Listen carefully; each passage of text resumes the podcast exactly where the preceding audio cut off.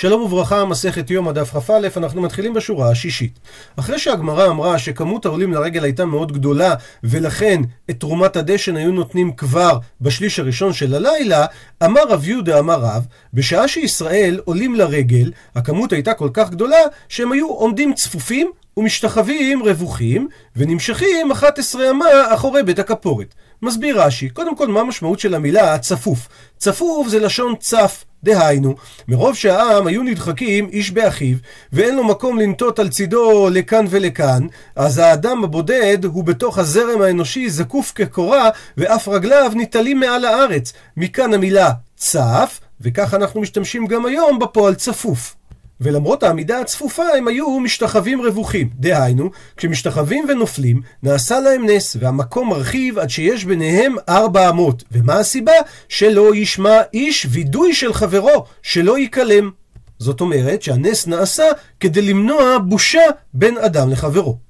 והכמות הייתה כל כך גדולה, שהם היו נמשכים 11 אמה אחורי בית הכפורת. דהיינו, הם היו נמשכים מתוך הדוחק ומתפזרים על פני אורך כל י"א אמה של מקום דריסת רגלי ישראל לצפון ולדרום, ויוצאים ממקום דריסת רגליהם ונכנסים דרך בית החליפות בין צידי ההיכל לכותלי העזרה לצפון ולדרום, ומשם נכנסים למערב ב-11 אמה שיש אוויר אחורי בית הכפורת עד כותל מערבי של עזרה, כמו ששנינו במסכת מידות. עזרת ישראל נכנסת כ-11 אמה לתוך העזרה, וכאשר היה דוחק, הם היו נכנסים לתוך העזרה, עוברים בצדדים של בית החליפות, עד שהם היו מגיעים לאחורי בית הכפורת. בית הכפורת זה בעצם קודש הקודשים. וההימצאות באותם 11 אמות זה בגלל הדוחק הרב שהיה בעזרה. שואלת הגמרא, מייקה אמר, דהיינו, מאחר שמשתחווים רווחים, אז נתרווח למקום על ידי הנס, אז בשביל מה הם היו צריכים ללכת ולהתפשט אחורי בית הכפורת? עונה הגמרא, הכי כאמר, ככה מתכוון לומר. אף על פי שנמשכים 11 אמה אחורי בית הכפורת, ועומדים צפופים, כשהם משתחווים, משתחווים רווחים. מסביר רש"י, אף על פי שהם נמשכים אחרי הכפורת והם היו צריכים לעמוד צפופים מרוב הדוחק, עדיין כשהיו כולם משתחווים, אז כולם היו באים למזרח המזבח בתוך העזרה ומשתחווים לפני ההיכל ברווח. כאשר נזכיר שההשתחווה בבית המקדש היא נפילה מלאה על הרצפה. ואומרת הגמרא, וזה אחד מעשרה ניסים שנעשו במקדש באופן קבוע. דתנן, שכך שנינו במסכת אבות. עשרה ניסים נעשו בבית המקדש. הראשון, לא הפילה אישה מריח בשר הקודש. הכוונה, אישה מעוברת שהתאבתה לאכול מבשר הצלי כשהוא מעלה ריח, ושם בבית המקדש יש כל הזמן ריח של בשר צלוי, ובכל זאת אישה לא הפילה מהריח הזה. הנס השני, ולא הסריח בשר הקודש מעולם. ואפילו שיש קורבנות שזמן האכילה שלהם זה שני ימים, ולא היה להם מקררים באותו זמן, אז הנס היה גדול. ולא נראה זבוב בבית המטבחיים, ששם הדיחו את איברי הקורבנות על גבי שולחנות של שיש, ולא אירע קרי לכהן גדול ביום הכיפורים, הנס הבא, ולא נמצא פסול בעומר, והנס אחריו שלא נמצא פסול בשתי הלחם, והנס אחריו שלא נמצא פסול בלחם הפנים, מסביר רש"י, לא נמצא פסול בעומר שאם יארע בו פסול, אין אחר להביא תחתיו. למה? כי העומר נקצר בליל מוצאי יום טוב, ואין מרבים לקצור, אלא רק את הכמות שצריך כדי שיהיה לך עיסרון מנופה אחרי שניפית אותו 13 פעמים. ואותו דבר לגבי שתי הלחם, אין זמן להכין משהו אחר, כי הם נאפים מערב יום טוב, ואין אפייתם דוחה יום טוב. ואם ייפסל, לא יהיה אחרת להפות. ואותו דבר לגבי לחם הפנים, שהוא נאפה מערב שבת, ואם ייפסל, אין חילוף לשים לחמים אחרים במקום, והשולחן יהיה עומד ריקם עד שבת הבאה. אז זה שלא קרה בהם פסול, זה היה נס. הנס הבא, מה ששנינו, עומדים צפופים ומשתחווים רווחים. הנס אחריו, ולא הזיק נחש ועקרב בירושלים מעולם, לא שלא היו שם נחשים ועקרבים, אלא שהם לא הזיקו.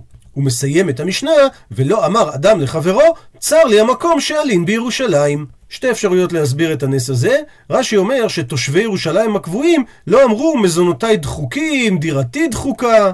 המהרש"א מסביר את זה לגבי עולי הרגלים. רוב אה, הגברים בעם ישראל עולים לרגל, ובכל זאת, אדם לא אמר, אין לי איפה לישון, כי כל מי שמקריב קורבן צריך לישון את הלילה הצמוד בירושלים.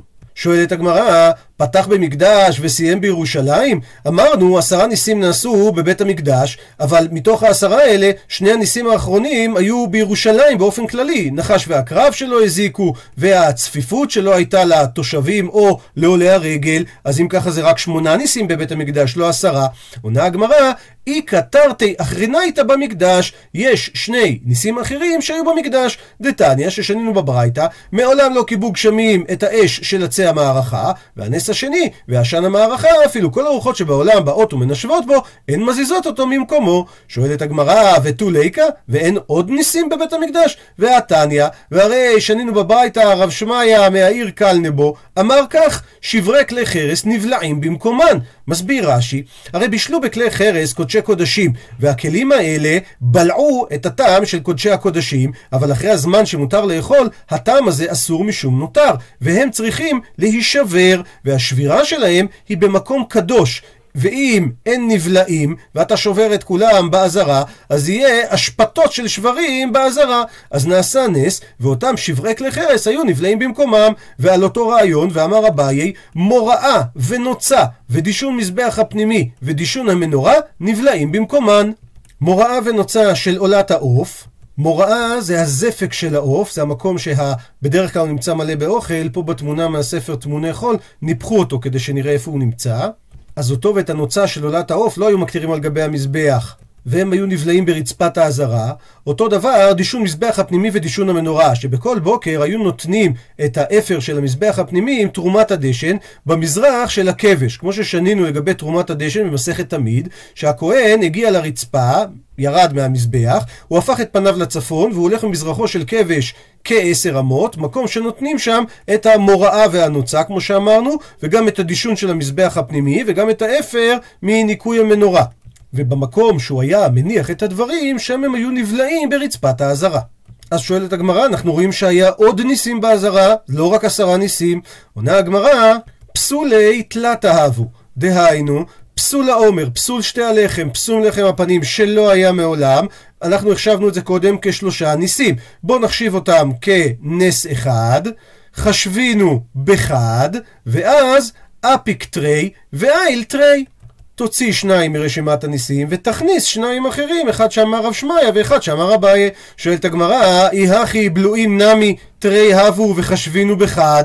גם הנס של דברים שנבלעים ברצפת האזהרה, מנינו אותם כשניים, את שברי החרס ואת כל מה שאביי אמר. אז בואו נחשיב אותם כדבר אחד, עיקרון אחד, בדיוק כמו שעשינו עם השלושת הפסולים שלא נמצא בהם פסול, שמנינו אותם כדבר אחד, ואם ככה, חסרו להו. עדיין חסר לנו מרשימת הניסים, אין לנו עשרה, יש לנו רק תשעה.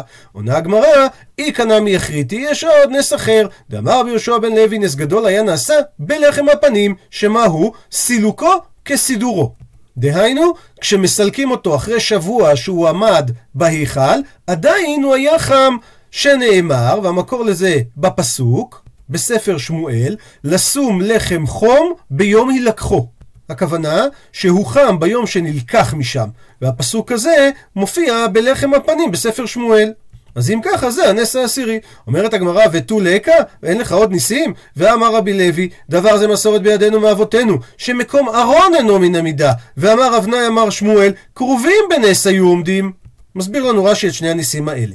מקום ארון אינו מן המידה, הארון, ארון הברית שהיה בקודש הקודשים, אינו תופס את המידה שלו. דתניא, ארון שעשה משה, יש לו עשר אמות אוויר בכל רוח, וכשהוא ניתן באמצע בית הכפורת, אז יוצא שהוא בכלל לא תופס כלום, כי הרי כל קודש הקודשים היה סך הכל עשרים אמה אורך ועשרים אמה רוחב, נמצא שאין מקום הארון ממעט כלום. וממשיך רש"י, כרובים בנס היו עומדים, גופי הכרובים שעשה שלמה המלך, הם היו עומדים על הרצפה ליד הארון בקודש הקודשים, אחד בצפון ואחד בדרום. בואו נקרא את הפסוקים בפנים. ויעש בדביר שני כרובים עצי שמן, הם היו עושים מעצי זית, עשר אמות קומתו, וחמש אמות כנף הכרוב האחד וחמש אמות כנף הכרוב השנית, זאת אומרת סך הכל עשר אמות מקצות כנפיו ועד קצות כנפיו, נדלג, ותיגע כנף האחד בקיר וכנף הכרוב השני נוגעת בקיר השני, וכנפיהם אל תוך הבית נוגעות כנף אל כנף. ניתן לראות המחשה בציור, כל כנף חמש אמות הם נוגעים בקירות הנגדיים של הבית, והם נוגעים בקצוות אחת בשנייה, הרי שבסך הכל הכנפיים תופסים 20 אמה, ואז אם ככה, הגוף של הכרובים הוא לא נמצא במידה פה. אותו דבר אמרנו לגבי ארון הברית, שיש לנו מרחק של עשר אמות מצד אחד של הארון, עשר אמות מהצד השני של הארון, בסך הכל זה עשרים. זה אומר שהמקום עצמו של הארון לא נמצא, לא תופס מקום. כך או כך נשאלת השאלה, למה לא מנינו גם את הניסים האלה? עונה הגמרא, ניסי דבראי כחשיב, את הניסים שהיו בראי, בחוץ, אותם החשיבה המשנה, לעומת זאת ניסא דגבי, את הניסים שהיו בפנים שלא ראו אותם, או המון העם לא ראה אותם, לא ככה השיב. אומרת הגמרא, אבל לפי התשובה הזאת, היא אחי, אם כך, לחם הפנים, נמי ניסי דגביו, שהרי לחם הפנים נמצא בתוך ההיכל, העם לא רואים אותו. עונה הגמרא, שהנס של לחם הפנים, גם הוא נחשב ניסי דבריו, נחשב ניסים של בחוץ שכן רואים אותו. למה? דאמר ריש לקיש, מאי דכתיב, מה זה מה שכתוב? ששמים את לחם הפנים על השולחן הטהור. מה זה ההדגשה הזאת? טהור מכלל שהוא טמא? דהיינו, ששולחן לחם הפנים יכול להיות בסטטוס של מקבל טומאה? הפכנו דף, והרי כלי עץ העשוי לנחת הוא, והכלל הוא שכל כלי עץ העשוי לנחת אינו מקבל טומאה, והוא גם חוצץ בפני טומאה. מסביר רש"י, כלי עץ שעשוי לנחת, הכוונה היא שהוא ניתר במצב קבוע שמונח, הוא אינו מיטלטל, וכלי עץ לעניין טומאה הוא קש לשק, כי כתוב בפסוק מכל כלי עץ פסיק או בגד פסיק או אור פסיק או שק, אז עץ הוא קש לשק, אותו דבר באופן הבא, מה שק מיטלטל מלא וריקן, אף כלי עץ שיטמא זה רק כלי עץ כזה שמטלטלים אותו גם כשהוא מלא וגם כשהוא ריקן. אבל השולחן עמד על מקומו הקבוע, אז לכאורה הוא לא מקבל טומאה. ורש"י שואל פה, רגע, הרי אף על גב השולחן היה מצופה בזהב, אז לכאורה הוא לא כלי עץ, הוא בכלל ממתכת, מזהב. אומר רש"י, בטל הציפוי לגבי. אמנם, סתם ככה אנחנו לוקחים את הדבר החשוב, שזה הזהב, והעץ היה צריך להיות בטל לגביו. אבל במקרה שלנו, התורה אמרה, שאני שולחן דקריה רחמנה עץ. ובגלל שהתורה מתייחסת אליו כעץ, אז ממילא הזהב בטל לגביו. לענייננו, שואלת הגמרא, למה קראנו לשולחן טהור, הרי זה בא להגיד שיכול להיות מצב שהוא טמא, הרי הוא כלי עץ העשוי לנחת, והוא לא מקבל טומאה, הוא גם חוצץ בפני טומאה. שאם יש טומאת מת באיזשהו חדר וכלי כזה, ארון גדול עומד שם, בפתח, אז הטומאה לא יכולה לעבור, כי כלי עץ העשוי לנחת חוצץ בפני הטומאה. לכן אומר יש להקיש, אלא מלמד שמגביהים אותו לעולי רגלים, ואומרים להם, ראו חיבתכם לפני המקום, שסילוקו כסידורו, שנאמר, שוב על בסיס הפסוק מספר שמואל, לשום לחם חום ביום ילקחו. ובגלל שהיו מראים אותו לעולי הרגלים בשעת הרגל, כדי להראות להם את החיבה שאכן, את הנס הזה שקורה, אז זה מסביר את העובדה שזה כבר לא כלי עץ העשוי לנחת, כי יש מציאות בשלושת הרגלים שכן מזיזים אותו, וממילא גם אנחנו רואים שזה נחשב נס שנמצא בחוץ, נס בראי ולא נס גבאי. ממשיכה הגמרא לשמול, ותו ליקה, והרי יש לנו עוד ניסים שנעשו בבית המקדש. ואמר רב הושעיה, בשעה שבנה שלמה בית המקדש, נטע בו כל מיני מגדים של זהב, והיו מוציאים פירותיהם בזמנם, וכשהרוח מנשבת בהם, נושרים, שנאמר, ירעש כלבנון פריו. אז היה נס מאוד גדול, עצי זהב שמניבים פירות, וזה על בסיס הפסוק, ירעש כלבנון פריו, אומר רש"י, ירעש פריו של ישראל, כמו הפירות של הלבנון. זה אומר שיש פירות בלבנון. מה זה לבנון? לבנון הוא בית המקדש. ומה זה הרעש? כשהרוח נושבת, אז הפירות מקישים זה לזה, רועשים ונשמע קולם. וכשנכנסו נוכרים להיכל, יבש, שנאמר, ופרח לבנון אומלל. ועתיד הקדוש ברוך הוא להחזירן, שנאמר, בואו נקרא את הפסוק בפנים. פרוח תפרח ותגל, אף גילת ורנן, כבוד הלבנון דנתן לה, הדר הכרמל והשרון, המה יראו כבוד אדוני, הדר אלוהינו. אז אם ככה, שוב, אנחנו רואים שהיו ניסים נוספים. עונה הגמרא, ניסי דקביעי לא ככה שיב. דהיינו, ניסים שקבועים ועומדים תמיד במקומם, אותם לא החשיבו. ולכן לא החשיבו את עצי הזהב שמניבים פירות. אומרת הגמרא, השתא דעתית לאחי, עכשיו שהגעת למסקנה הזאת שאנחנו לא מונים ניסים קבועים, אז גם השאלה ששאלנו קודם, למה הארון והכרובים לא נמנו, אפשר לענות על בסיס אותה תשובה. ארון וכרובים נמי ניסי דקבינינו, ובגלל שהם היו ניסים קבועים, הם לא נמצאים ברשימה. אמר מר, ציטוט של מה שהבאנו קודם, ועשן המערכה. שאפילו כל רוחות שבעולם באות ומנשבות בו לא מזיזות אותו ממקומו. שואלת הגמרא, ומי הווה עשן במערכה? והתניא, והרי שנינו בברייתא, חמישה דברים נאמרו באש של מערכה. רבוצה כארי, אומר רש"י, גחלת שנפלה מן השמיים בימי שלמה והייתה על המזבח עד שבא מנשה וסילקה, אז אותה גחלת הייתה דומה לארי רובץ. והדבר השני, ברק החמה, דהיינו האש הייתה ברורה כשמש. הדבר השלישי, ויש בה ממש, שגם בשלהבת עצמה הייתה ממשות, לא כמו האש שאנחנו מכירים, שהראשונים קוראים לזה אה, אחד מיסודות האוויר, כי אין בה ממשות, אז באותה אש כן הייתה ממשות. והדבר הרביעי שאותה אש ואוכלת לחין כיבשין, והדבר החמישי, ואינה מעלה עשן. אז אם היא לא מעלה עשן, איך אמרת שבעשן המערכה היה נס, הרי לא היה עשן? עונה הגמרא, כי כאמרינן בדהדיות. מה שאמרנו שכן היה עשן, זה היה באש של ההדיות. דהיינו, שלא הגחלת שירדה מהשמיים, אלא האש שהכוהנים היו מביאים אצלה. דתניא, ששנינו בברייתא, מה שכתוב ונתנו בני אהרון הכהן אש על המזבח, אף על פי שאש יורדת מן השמיים, בכל זאת מצווה להביא מן האדיוט. מה שאמרנו שהגחלת הייתה רבוצה כארי, והתניא, והרי שנינו בברייתא, אמר רבי חנינא סגן הכהנים, אני ראיתיה הוא רבוצה ככלב ולא כארי, עונה הגמרא, לא קשיא. כאן במקדש ראשון זה היה נראה כמו ארי, כאן במקדש שני שכבר הייתה ירידת הדורות, זה היה נראה רבוצה ככלב. שואלת הגמרא, ובמקדש שני מי הווי? האם בכלל הייתה אש שירדה מן השמיים? והאמר רב שמואל בר איניה, מאי דכתיב, מה זה מה שכתוב? בספר חגי, בואו נקרא בפנים, עלו ההר, והבאתם עץ ובנו הבית, וארצה בו ויכבדה, אמר אדוני. והמילה והיכבדה היא כתובה בלי ה', וקרינן והיכבדה עם ה'. אז מה ישנה דמחוסר ה'? מה רצה הנביא לרמוז לנו כשהוא כתב את זה בלי ה'? להגיד לנו, אלו חמישה דברים שהיו בין מקדש ראשון למקדש שני. ואלו הן, ארון וכפורת וכרובים, שאומר רש"י, שארון כפורת וכרובים זה נחשב דבר אחד.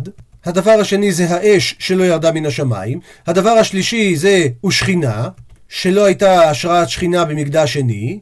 הדבר הרביעי ורוח הקודש, והדבר החמישי ואורים ותומים. אז הנה אנחנו רואים שלא הייתה אש בבית שני. אז מה רבי חניה סגן הכהנים אומר שאני ראיתי הרבוצה ככלב?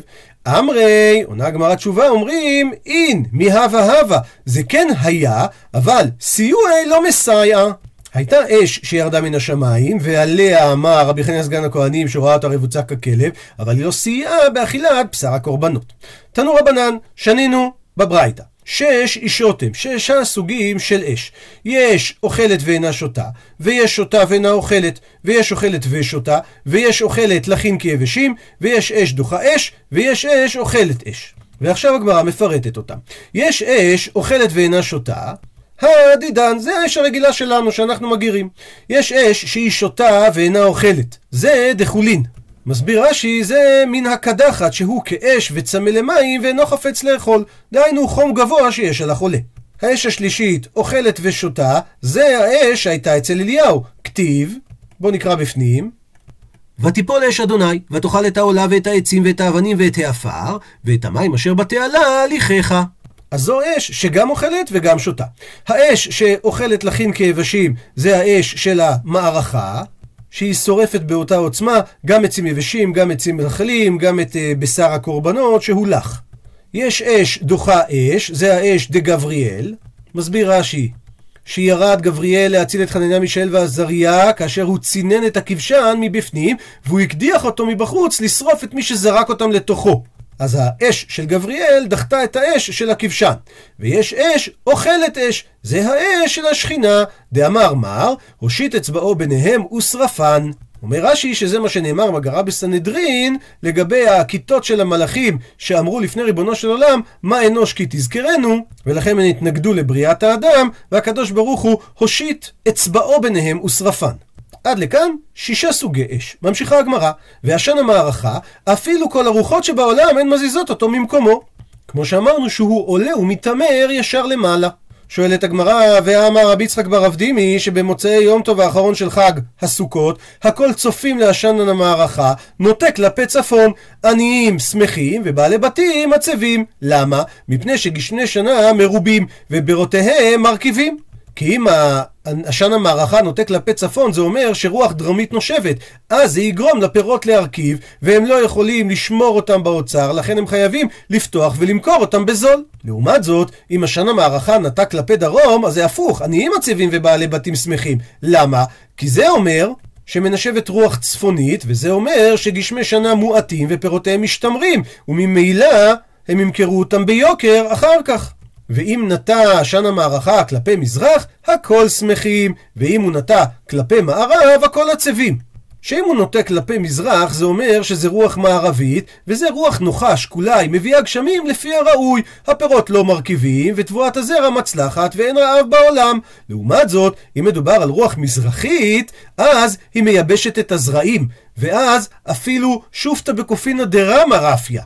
אפילו הכת בחור של המעדר מתרופפת. אז אנחנו רואים שעשן המערכה היה זז, אז איך אתה אמרת שכל רוחות שבעולם אין מזיזות אותו ממקומו? עונה הגמרא, דאז הלוואתי כדיקלי, דהיינו, עמוד העשן הוא כמו דקל שמתנוענע ברוח לכאן לכאן, אבל אבדורי לא ומבדר, להתפזר לגמרי הוא לא היה מתפזר. ממשיכה הגמרא, אמר מר, ציטוט של מה שאמרנו קודם, שאם כלפי מזרח הכל שמחים, ואם כלפי מערב הכל עצבים. שואלת הגמרא הורי מינוס, סתירה בין מקורות תנאיים. רוח מזרחית לעולם היא יפה, ורוח מערבית לעולם היא קשה. רוח צפונית היא יפה לחיטין, בשעה שהם כבר הביאו שליש, והיא קשה לזיתים בזמן שהם חונטים. כי הם עדיין זקוקים להרבה גשם. ורוח דרומית היא קשה לחיטים בשעה שהביאו שליש, אבל דווקא היא יפה לזיתים בזמן שהם חונטים. כי רוח דרומית ראינו שהיא מביאה הרבה גשם, והחיטים דווקא צריכות להתייבש, לעומת הזיתים בזמן שהם חונטים, שהם צריכים הרבה גשם. ואמר רב יוסף, ואי תימה, ויש אומרים שאמר את זה מזוטרה, וסימנך, אם אתה רוצה לזכור את זה, כך סימן, שולחן בצפון ומנורה בדרום. שהשולחן שעליו לחם הפנים נמצא בצפון ההיכל, המנורה שאותה הדליקה שמן זית היא עמתה בצד דרום, וזה ייתן לך, אה, הסימן הזה לזכור, היי מרבה דידי והי מרבה דידי. רוח צפונית טובה למה שנמצא על השולחן, שזה חיטים, ורוח דרומית טובה למה שנמצא בדרום, שזה שמן זית. ולענייננו אנחנו רואים שהרוח המזרחית והרוח המערבית הם בדיוק ביחס הפוך ממה שראינו במשנה קודם. עונה הגמרא לא קשיא, הלן והלהו. מסביר רש"י, רוח מזרחית היא יפה לארץ בבל. למה? כי ארץ בבל היא ארץ לחה מחמת המים שלה לעולם. ולארץ ישראל לעומת זה, הרוח המזרחית היא קשה. למה? כי ארץ ישראל זה ארץ ערים מובקעות, והיא ממהרת להתייבש, לכן היא דווקא צריכה הרבה מים. דהיינו, רוח מערבית. הדרן הלך שבעת ימים, עד לכאן דף כ"א.